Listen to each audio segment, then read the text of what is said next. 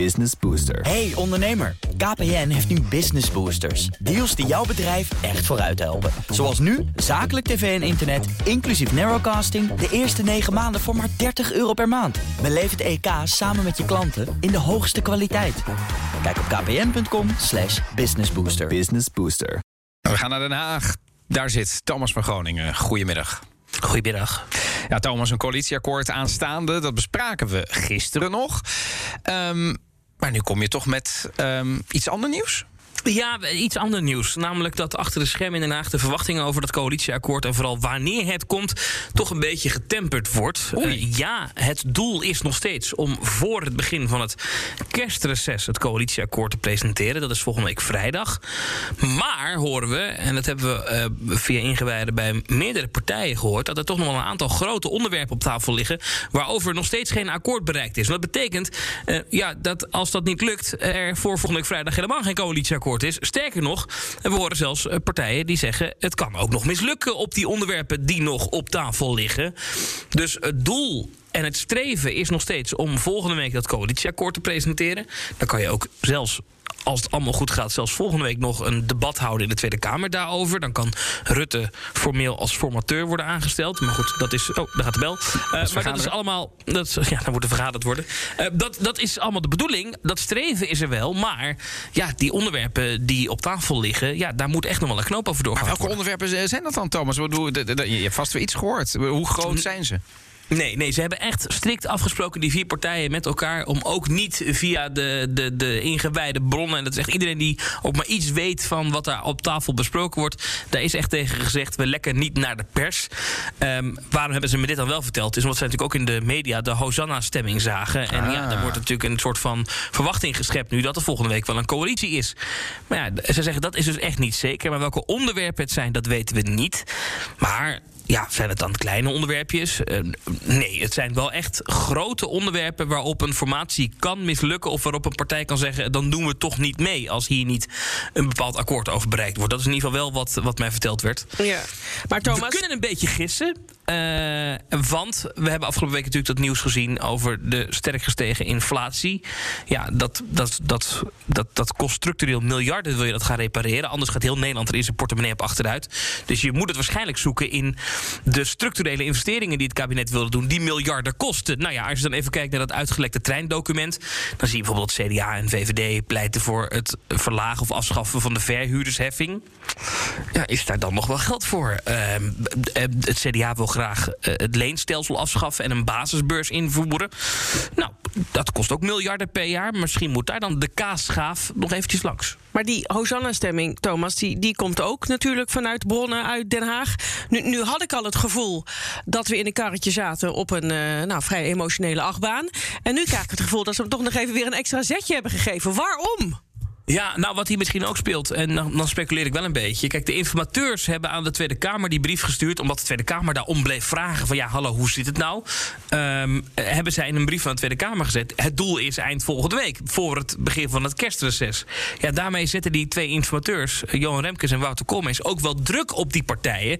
Van ja, die onderwerpen die dus nog op tafel liggen, waar we nog geen akkoord op hebben, daar moeten jullie wel deze week echt uh, op inleveren. Daar moeten jullie echt stappen op zetten. Want we hebben tegen de Tweede Kamer gezegd uh, we gaan het voor eind volgende week doen. Dus misschien dat dat dan wel meespeelt. Dat de druk gewoon ook echt opgevoerd wordt op die partijen. Ja, dus uh, als we even de conclusie mogen trekken. Uh, streven met heel veel mits in de maren, want die knopen moeten nog worden doorgehakt. Is wel voor de kerst dat er iets van een akkoord ligt. Maar wanneer staan ze dan op dat bordes? Nou ja, dat zou dan nog een paar weken daarna zijn. Dus stel dat het inderdaad volgende week allemaal lukt om dat akkoord te presenteren en dat debat te doen. Nou, dan zou je misschien eh, de eerste of tweede week januari eh, een, een, kabinet op het bordes kunnen zien. Okay. Overigens, zojuist heeft de Tweede Kamer hoofdelijk gestemd over een verzoek van Pieter Omtzigt. De onafhankelijke Kamerlid die wilde een debat hierover of er nou wel of geen akkoord zou komen. Die wilde volgende week een debat over de formatie. Heeft geen meerderheid gehaald. Dus nee, dat maar gaat raden de, de beoogde coalitiepartners tegen? Uh, ja, het is hoofdelijke stemming, dus ik heb ze niet allemaal bereidje, maar ik vermoed van wel. ja, precies. Goed, iets anders dan uh, Thomas. Uh, heb je Baudet nog gesproken over zijn rechtszaak? Joodse organisaties die eisen bij de rechtbank een einde aan de Holocaust-vergelijkingen van Baudet. Ja, het gaat dan bijvoorbeeld om het CIDI, hè, die zeggen van ja, weet je, en het Centraal Joods Overleg. Kort geding is het, want ze willen dat hij uh, uh, daarmee stopt met die holocaustvergelijkingen. Ik heb geprobeerd contact te zoeken met Baudet. Van nou ja, weet je, hoe reageert hij hier ja. nou op?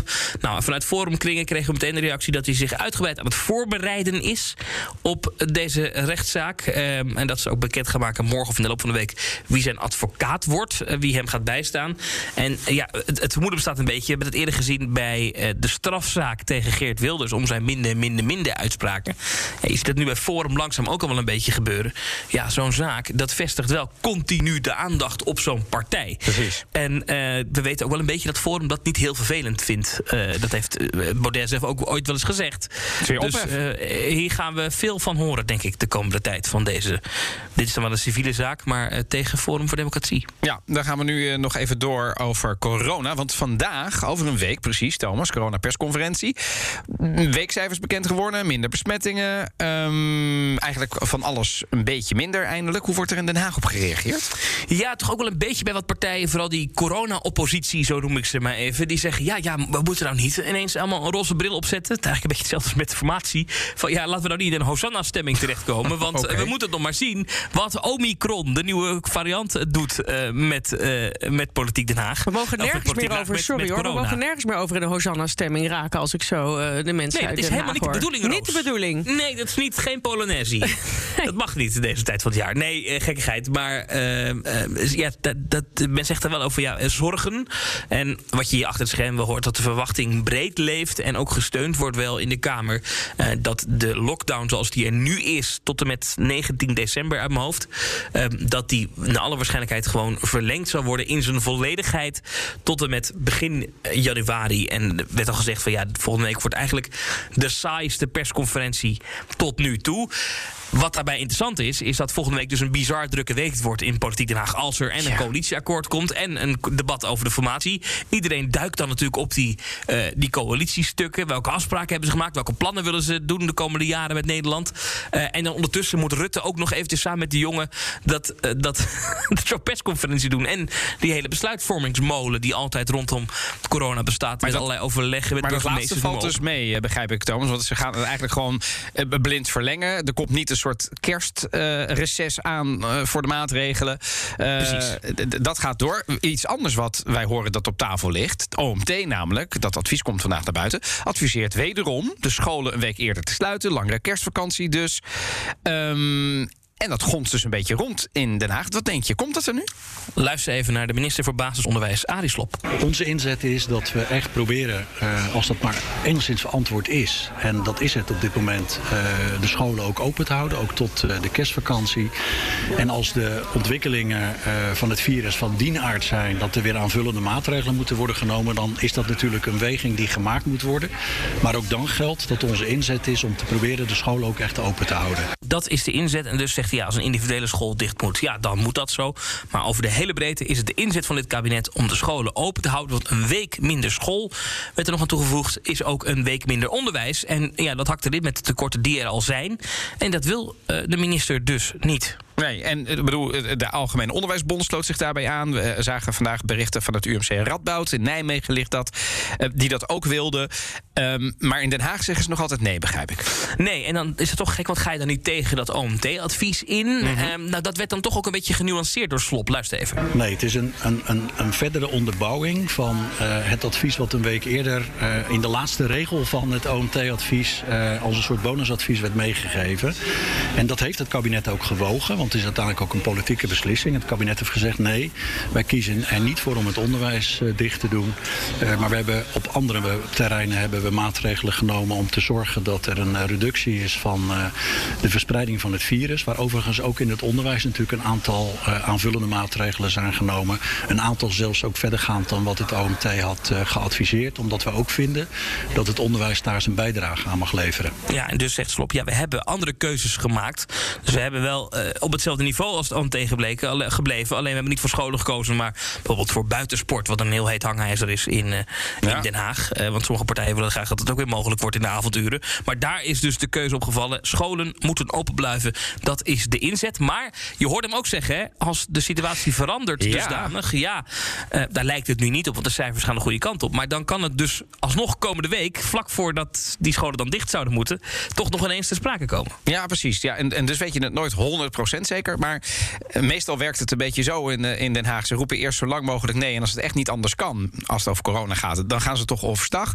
Wat zou jouw inschatting zijn? Nou, het is nu een heel kort dag, hè, want die schoolvakantie begint de 17e ook, geloof ik, hè, die vrijdag. Uh, of niet? Of beginnen nee, die pas een week later? Heel eerlijk, later. het overvalt mij altijd weer, die kerstvakantie, denk ik. Ja. Is dat morgen al? De kerstvakantie begint de 23 Volgens mij is het een week later ook dit ja, keer, ja. 23 december. Ah, Oké, okay. okay. nou ja, dan zouden ze dus wellicht kom, komende week nog kunnen besluiten... om vanaf uh, volgend weekend dus de, de, scholen te sluiten. Nou ja, we, we, houden het in de gaten. Er is volgende week een persconferentie, is er ook een coronadebat. Nou ja, als de cijfers erom vragen, dan kan het zo zijn dat de Tweede Kamer...